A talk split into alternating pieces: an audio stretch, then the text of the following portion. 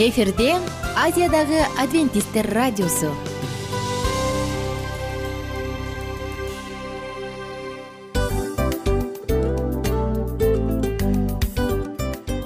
Достор салют. Баардык сүйүктүү угармандарыбызга салам айтабыз. Кутман күнүңүздөр менен. Ден соолук өмүрдүн булагы демекчи саламат саамы программасында баарыңыздарды көргөнүбүзгө абдан кубанычтабыз. Анда алгач амандашып өтөлү арбаңыздар деп. Ден соолугуңуздар кандай элибизде көбүнчө ден соолук кандай дегенде эле жакшы деп жооп беребиз э? ооруп турсак дагы жакшы дейбиз. Анан мен муну айтып ойлойт элем бул абдан сонун сөз депчи анткени бул жакшы деген үмүт да э баары жакшы болот. Баары сонун. Деп үмүттөнүп атып эле өзүбүздү өзүбүз дарылап коебуз.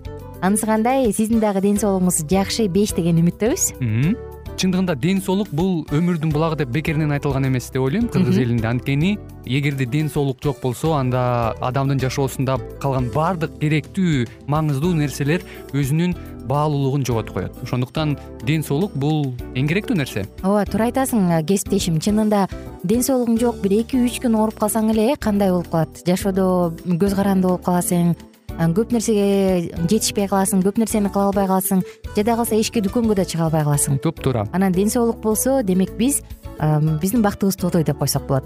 Анда достор саламат саамы рубрикабызды баштайлы. Алдыда өзүңүзгө керектүү болгон сонун кеңештерди уга аласыздар. Мына ошондуктан биз менен бирге болуңуздар. Ал эми биз болсо милан жана айнура. Кеттик алга. Алга саламат саама ден соолуктун жарчысы. Саламат саама ден соолуктун ачкычы. Күн сайын сиз үчүн мыкты кеңештер сонун жаңылыктар кызыктуу фактылар биздин рубрикада.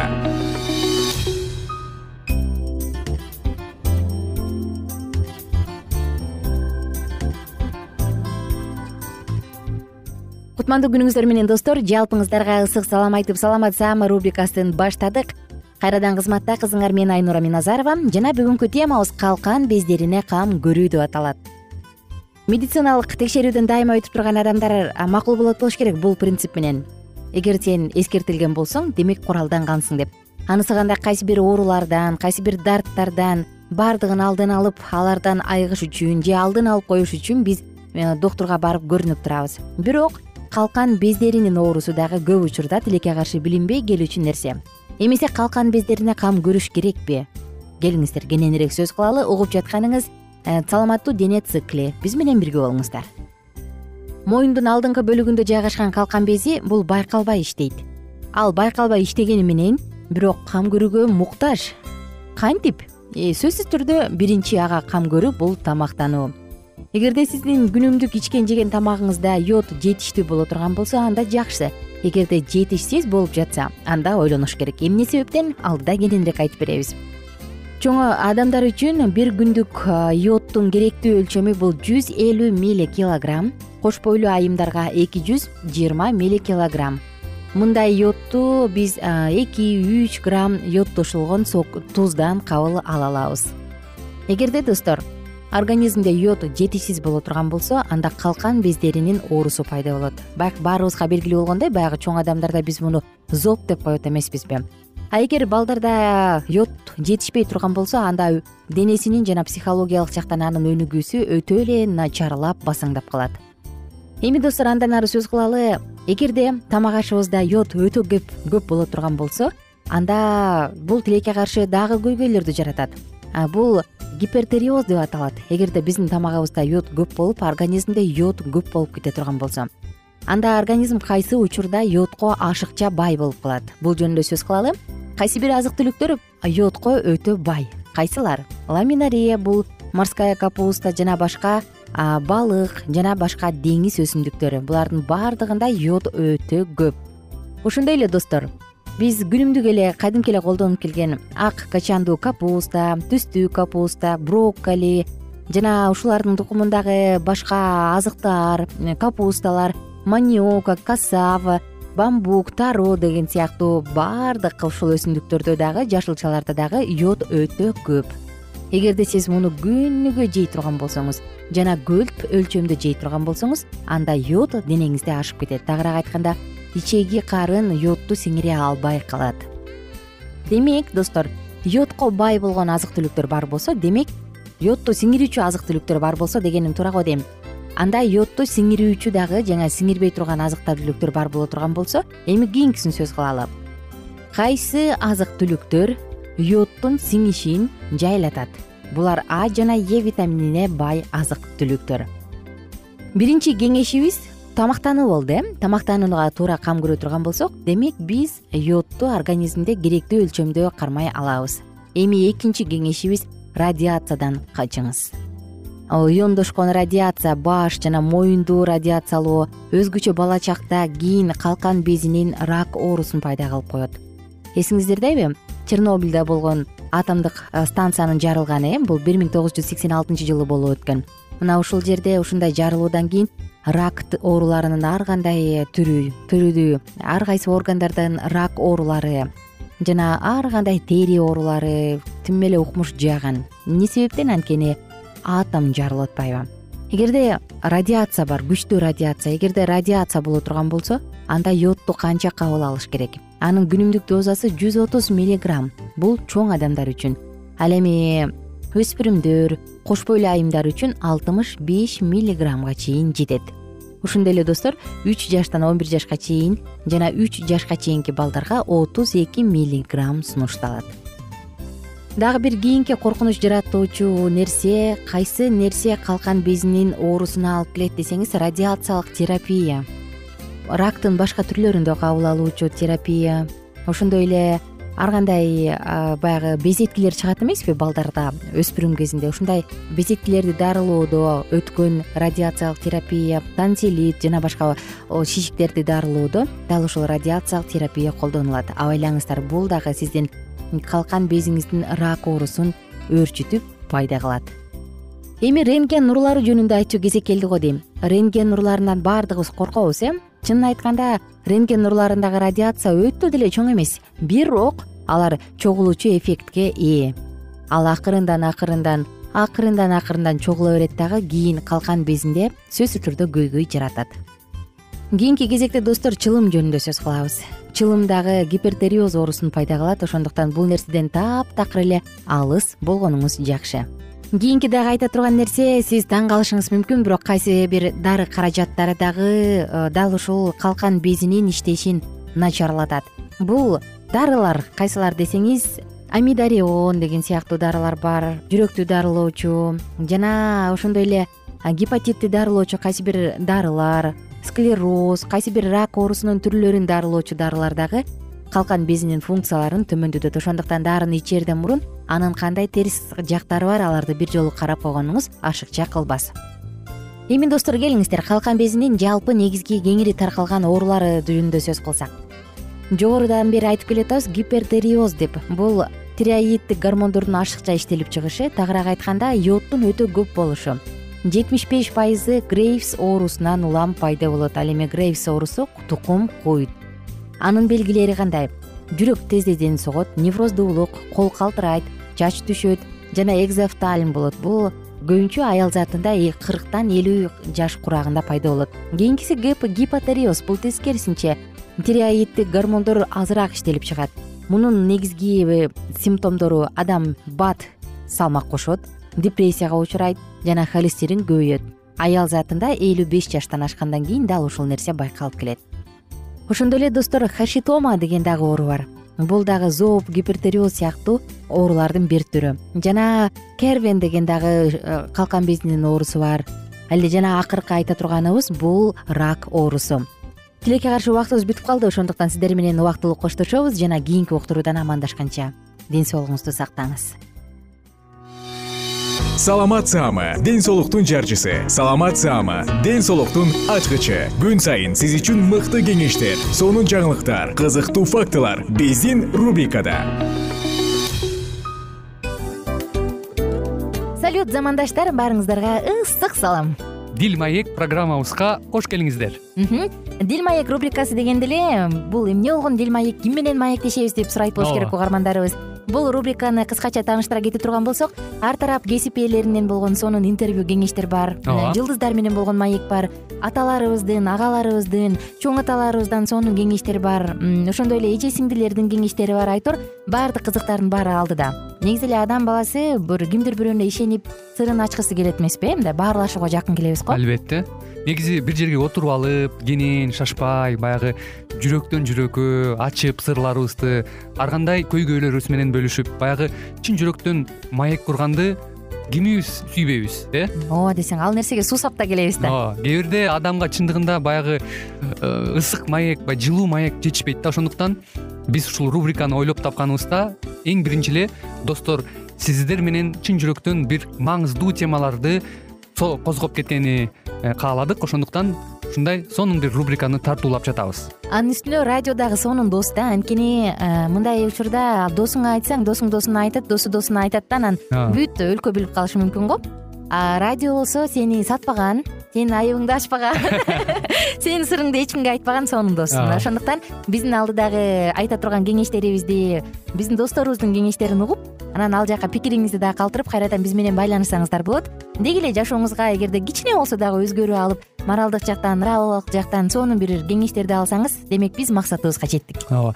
Чыңгыз атабыз улуу жазуучу э, чыңгыз айтматов айткандай адам болуу бул күнүмдүк процесс экен. Күн сайын адам бойдон калуу бул адамзатка эң эле кыйын дейт э? э эң кыйын дейт. Чындыгында бунун э, негизинде адамдын эң баягы сапаттуулугу адамдын э, адамгерчилиги жана көптөгөн керектүү нерселер. Мына ошол темалар дагы бизде ушул дил маекте биз аларды да козгойбуз. Ден соолук жөнүндө да сүйлөшөбүз. Сөзсүз түрдө анан милан мырза негизи айтып коюшат го. Биз көбүнчө эмнени ойлонсок? Ошол нерсеге карата иш кылабыз го. Ооба. Анан анысы кандай? Балким бул радио баракчада кимдир бирөөнүн оюн текшергенге жардам берет кимдир бирөөнүн жүрөгүн текшергенге жардам берет. Балким кимдир бирөөгө жашоонун маңызын тапканга жардам берер. Айтор кызыктын баары алдыда бул жөн гана кыскача жарнама анда угармандарыбыздын баардыгын кийинки рубрикабызга чакырабыз. Ал эми кызматта маңдайымда отурган кесиптешим милан жана мен айнура. Анда эмесе биз даярдаган терең терең ойлор менен таанышууга кеттик. Алыс алыс баралык. Анда эмесе достор биз менен бирге болуңуздар. Алдыда эң кызыктуу маалыматтардын баардыгы бир нече мүнөттөр бою жалгыз гана сизге арналат. Мына ошондуктан жакшы маанай менен угууну каалайбыз. Үн алышканча жөнөдүк. Ар түрдүү ардактуу кесип ээлеринен алтын сөздөр жүрөк ачышкан сыр чачышкан сонун маек дил маек рубрикасында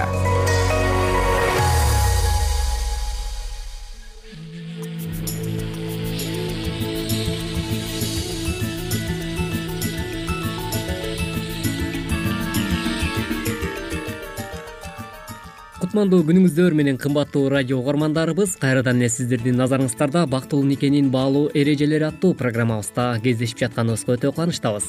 Бүгүнкү программабыздын чыгарылышында биз сиздер менен э, дал ушул никелик жааттагы бир нече айрым э, үй бүлөгө карата болгон кеңештер менен бөлүшүп өтмөкчүбүз. Андыктан биздин ободон алыстабай дал ушул мүнөттөрдө биз менен биргеликте кала бериңиздер. Саламатсыңарбы достор. Бактылуу үй бүлөдө негизи э, урушту болтурбообуз зарыл бирок кээ бир учурда бизде конфликт болот эмеспи. Ошол учурларда уруштан качып үйдөн алыс жака кетпөө керек экен мисалга кинодо жубайлар урушканда бири кетип экинчиси артынан чуркап кечирим сураган кадрлар көп кездешет. Бирок бул көрүнүш реалдуу жашоодо дайыма эле андай кайталанбайт. Кетип алып кайра бара албай жүргөндөн көрө унчукпай жеңилүү зарыл. Анын ачуусу таркаган соң акырын айтып чечип алса жакшы болчудай албетте реалдуу турмушта мындай көрүнүштөр эч убакта боло бербейт эмеспи. Баягы ачууну ачуу жеңет болуп кээ бир учурда кызыл чеке болуп үй бүлөлүк жашоодо дагы айымдар менен мырзалардын ортосунда дагы э, ич ара пикир келишпестиктер чыр чатактар орун алган учурда демек э, өзүңүздү өзүңүз токтото билүү ошол эле учурда сабырдуулукка аракет кылып умтула турган болсоңуз анда сиздин жашооңуз кыйла эле жеңил болот экен. Эгерде тескерисинче сиз менен же болбосо бири бириңиздерге тиш кайроо менен мамиле кыла турган болсоңуз анда сиздин никелик жашооңуз түбөлүккө узарбай калышы дагы мүмкүн. Андыктан бул нерсени эске алуу менен биргеликте эртеңки күндө кандай эртеңки күндү дагы эске алып биздин артыбыздагы мисалы бала чакабыз эмне болот деген нерсени дагы сөзсүз түрдө ойго алуу бул зарыл болуп саналат экен. Андыктан никелик жашооңуздарда дайыма бактылуу өмүр сүрө бериңиздер деген тилегибизди билдирүү менен биргеликте жамандыктан оолак бололу деген тилегибизди билдирүү менен программабызды уланта бермекчибиз. Деги эле уруштан эч качан сен качып кутула албайсың. Ошондуктан эки адам бир пикирге келип тынч отуруп сүйлөшүп алса дагы эң туура болот адам баласынын жашоосунда дайыма ар кандай э, кайчы пикирлер э, боло берген бул күнүмдүк турмуштагы мыйзам ченемдүү көрүнүш эмеспи андыктан эч ким үй бүлөлүк чыр чатактан качып кутула албайт десек дагы болот. Ошондуктан биз ар бир үй бүлөдөгү пикир келишпестиктерди орусча айтканда конфликттерди жеңүүдө сөзсүз түрдө ар бир эле ушул мырза болобу айым болобу биз өзүбүздү колго алышыбыз керек экен. Башкача айтканда чечкиндүүлүк менен жок мен үй бүлөмдүн талкаланып кетишине эч убакта жол бербейм деп ошол үй бүлөдөгү атасы дагы энеси дагы бул нерсени жоопкерчиликти мойнуна алып биз татыктуу өмүр сүрүшүбүз керек. Бул турмушта биз балдарыбызга туура тарбия беришибиз керек деген бир ой жүгүртө турган болсок анда сөзсүз түрдө сиздин жашооңуз бактылуу никенин даамын таткан болот экен мисалы үчүн сен уруштан качып кеттиң дейли бирок сен өзүңдөн өзүң эч жака кача албайсың да. Сөзсүз түрдө ошондуктан биз эч убакта көйгөйлөрдөн качып кутула албайт экенбиз. Бирок ошол көйгөйлөрдүн чыгуу жолу сөзсүз түрдө бар экен ардактуу угарман. Демек бул нерсени эч убакта эсиңизден чыгарбаңыз. Мисалы психологдордун изилдөөсү боюнча кесиптеш. Мисалы ушу конфликтти жеңүүдө э, сөзсүз түрдө конфликтти жеңүүдө көбүнчө бул э, үй бүлөдө ушул аталар көбүрөөк баягы конфликттен качканга аракет кылышат экен да. Мисалы үй бүлөдө бир чыр чатак э, болуп баштаганда эле эшикти жаап алып сыртты көздөй качып кеткенге аракет кылат экен. Мындай көрүнүш сенин оюң боюнча кандай деп ойлойсуң? Негизи эле биз э, эркек балдарды чоңойтуп атканда бул негизи үй бүлөдөн башталат экен да биз ар бир нерсеге э, жоопкерчиликтүү кароону үйрөтүшүбүз керек экен эркек балдарга ошон үчүн. Андан кийин алар чоңойгондон кийин дагы үй бүлө куруп дагы эч качан конфликттен качпай э, болуп аткан нерсеге өз пикирин айтып проблеманы чечкенге дагы чечкиндүүрөөк болот экен сөзсүз түрдө андыктан э, биз ошол үй бүлөдөгү балдарыбызга бүгүнкү учурда ошол эле аталар же болбосо апалар кандай тарбия берип жатабыз? Ушул нерсеге көңүл буруу абдан зарыл экен.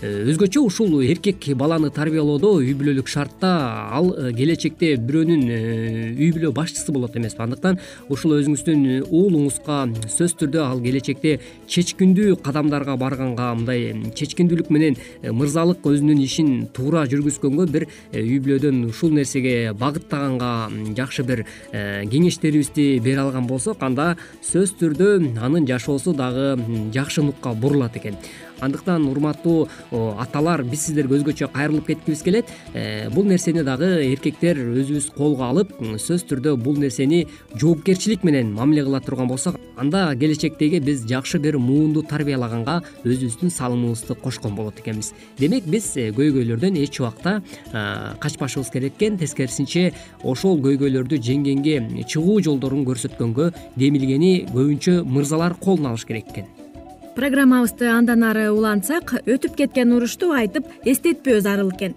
Кээ бир жубайлар уруш башталганда күнөөлүү экенин мойнуна алгысы келбей өткөндөгү уруштарын эстетип ошондо сен мин кем болчусуң монтип айтпадың беле деп урушту ырбатып жиберишет экен. Ошондуктан эч убакта өткөн ишти айтпоо керек бул жаатта дагы көбүн эсе учурда э, баягы үй бүлөдө ушундай көйгөй болуп атканда э, жогоруда кесиптешим айтып өткөндөй эле баягы айымдар айрыкча э, эркек мырзаларга сен билесиңби өткөндө ушундай кылгансың деген нерселерди айтуунун ордуна тескерисинче мындай адаттардан айымдар качканыңыз эле жакшы экен да. Анткени бул нерсе мырзаларга жакпайт экен. Себеп дегенде өтүп кеткен нерсени эске салганда мырзалардын кандайдыр бир сиз кыжырына тийип алган болот экенсиз ошондуктан айымдар өтүп кеткен нерсе ошол өткөн чакта эле калсын.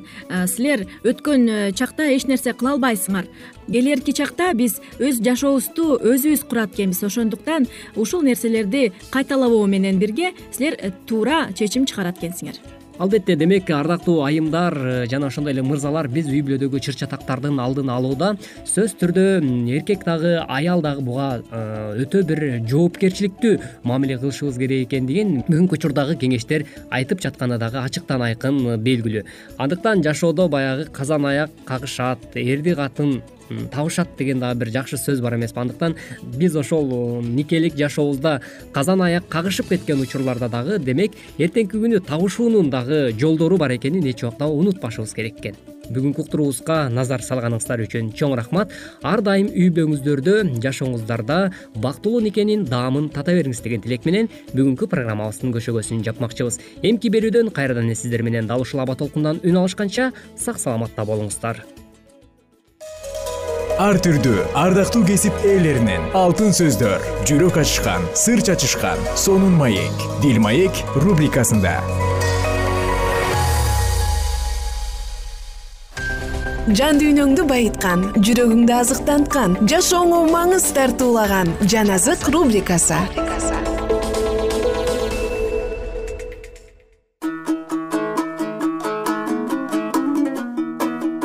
кутмандуу күнүңүздөр менен достор айымдар жана мырзалар. Сиздер менен бирге куткарылуу тарыхы деп аталган китебибизди бирге улантабыз. Кудай ата уулу менен кеңешип өзүнүн жерге адамдарды жарата турган оюн иш жүзүнө ашыра тургандыгын билдирет. Ага өлбөс өмүр тартуулоодон мурда анын ишенимин сыроо зарылдыгы кошо чечилген. Ал кудайдын ырайымын колдонуп периштелер менен эркин сүйлөшмөк. Периштелер дагы алар менен каалаган убагында сүйлөшүп турушмак. Кудай адамдын тандап алуу эркинен ажыратууну каалаган жок. Экинчи бап. Жаратуу. Эскертүүлөр баптын биринчи бетинин аяк жагында жазылган. Бул бап жаратылыштын башталышы китебинин биринчи бабына негизделген.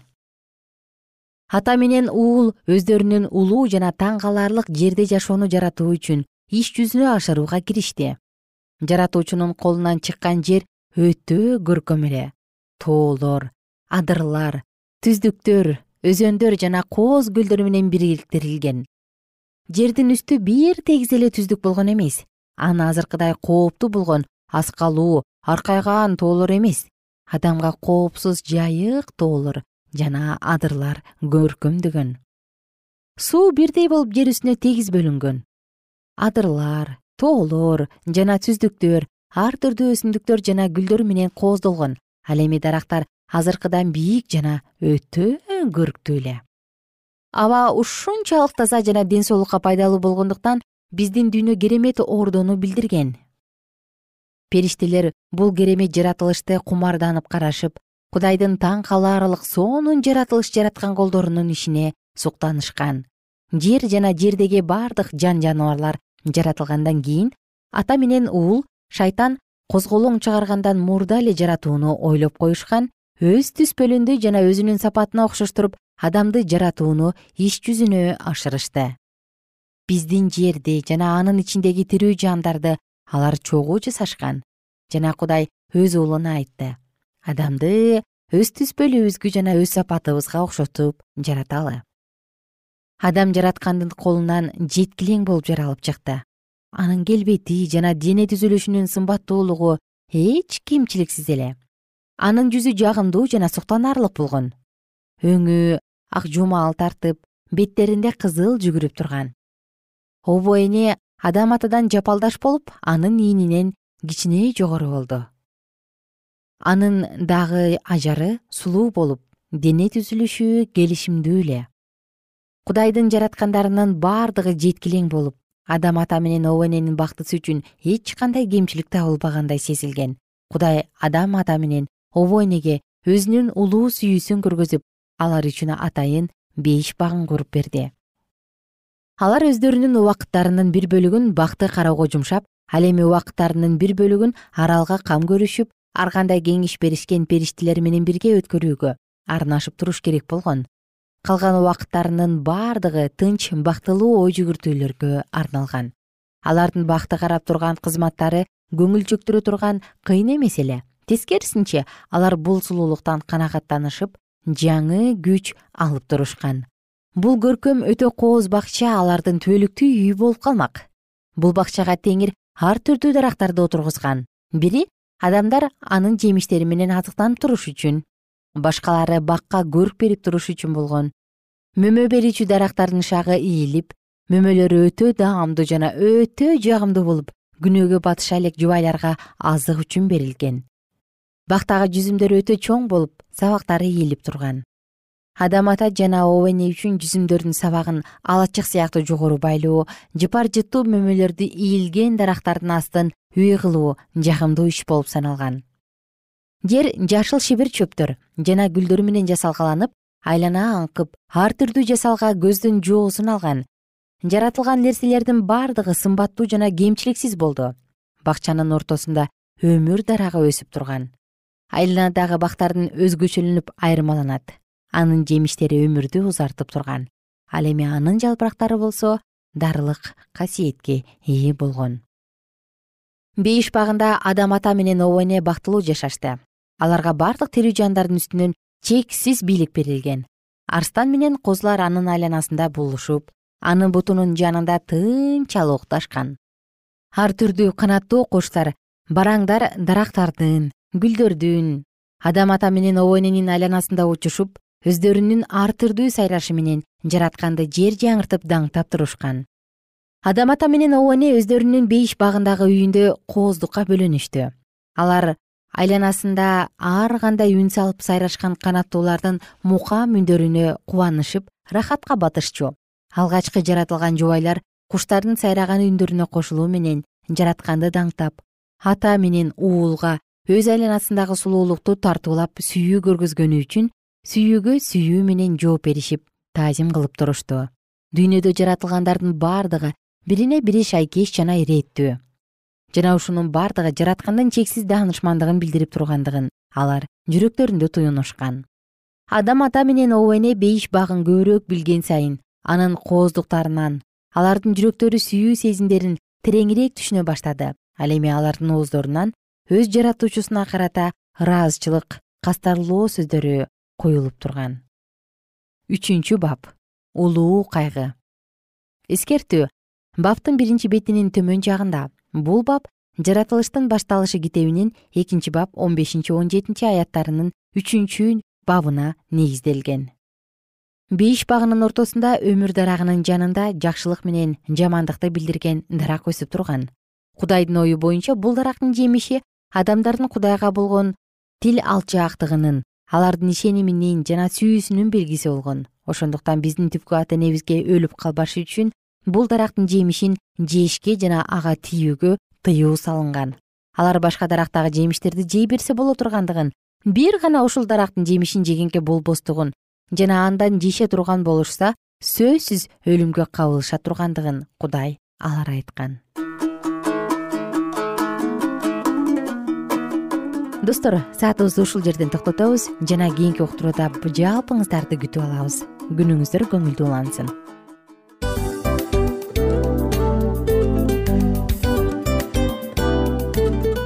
достор биздин радио баракчаларыбыз соңуна келди. Демек бул программабызды дагы жыйынтыктачу учур келдик. Учурга келдик. Анан кесиптешимден сурагым келип турат. Негизи эле иштин башталып атканы кубандырабы сени же жыйынтыгы кубандырабы? Албетте жыйынтыгы. Себеп дегенде сен кылган ишиңдин жыйынтыгын көрүп э, баягы мөмөсүн көрүп дегендей жыргайсың жүрөгүң жемишинен тартып э? Кандай даамдуу деп. Баягы буудай сепкенде эмес буудай эгинди жыйнагандан кийин ысык нанды жегенде кадимкидей ырахаттанасың го? Ой айтпа туура айта кеттиң сонун салыштыруу болду анан мен дагы абдан кубанып турам анткени биз угармандарыбыз үчүн аябай эмгектенип келген уктуруубуздун соңуна келип калдык. Анан эми э, уктуруубуздун соңунда угармандар кандай пайда алып калды экен деп күтүп турам да. Балким э, менин жашоомо өзгөрүү киргизе турган сонун сөздөр болду. Мен ушул нерсени изилдеп анан кабыл албасам ушул нерсени кылбасам деген чечим чыгарсаңыз анда биз абдан кубанычтабыз. Сөзсүз түрдө андыктан кийинки биздин кызыктуу уктурууларыбыздан көрүшкөнчө сак саламатта калыңыздар. Чыдамсыздык менен сиздерди мен милан жана кесиптешим айнура күтөбүз. Баардык угармандарыбызга ийгиликтүү күн каалайбыз. Качан гана болбосун уртуңуздан жылмаюу кетпесин үйүңүздө көмүр жүрөгүңүздө көңүл болсун дейли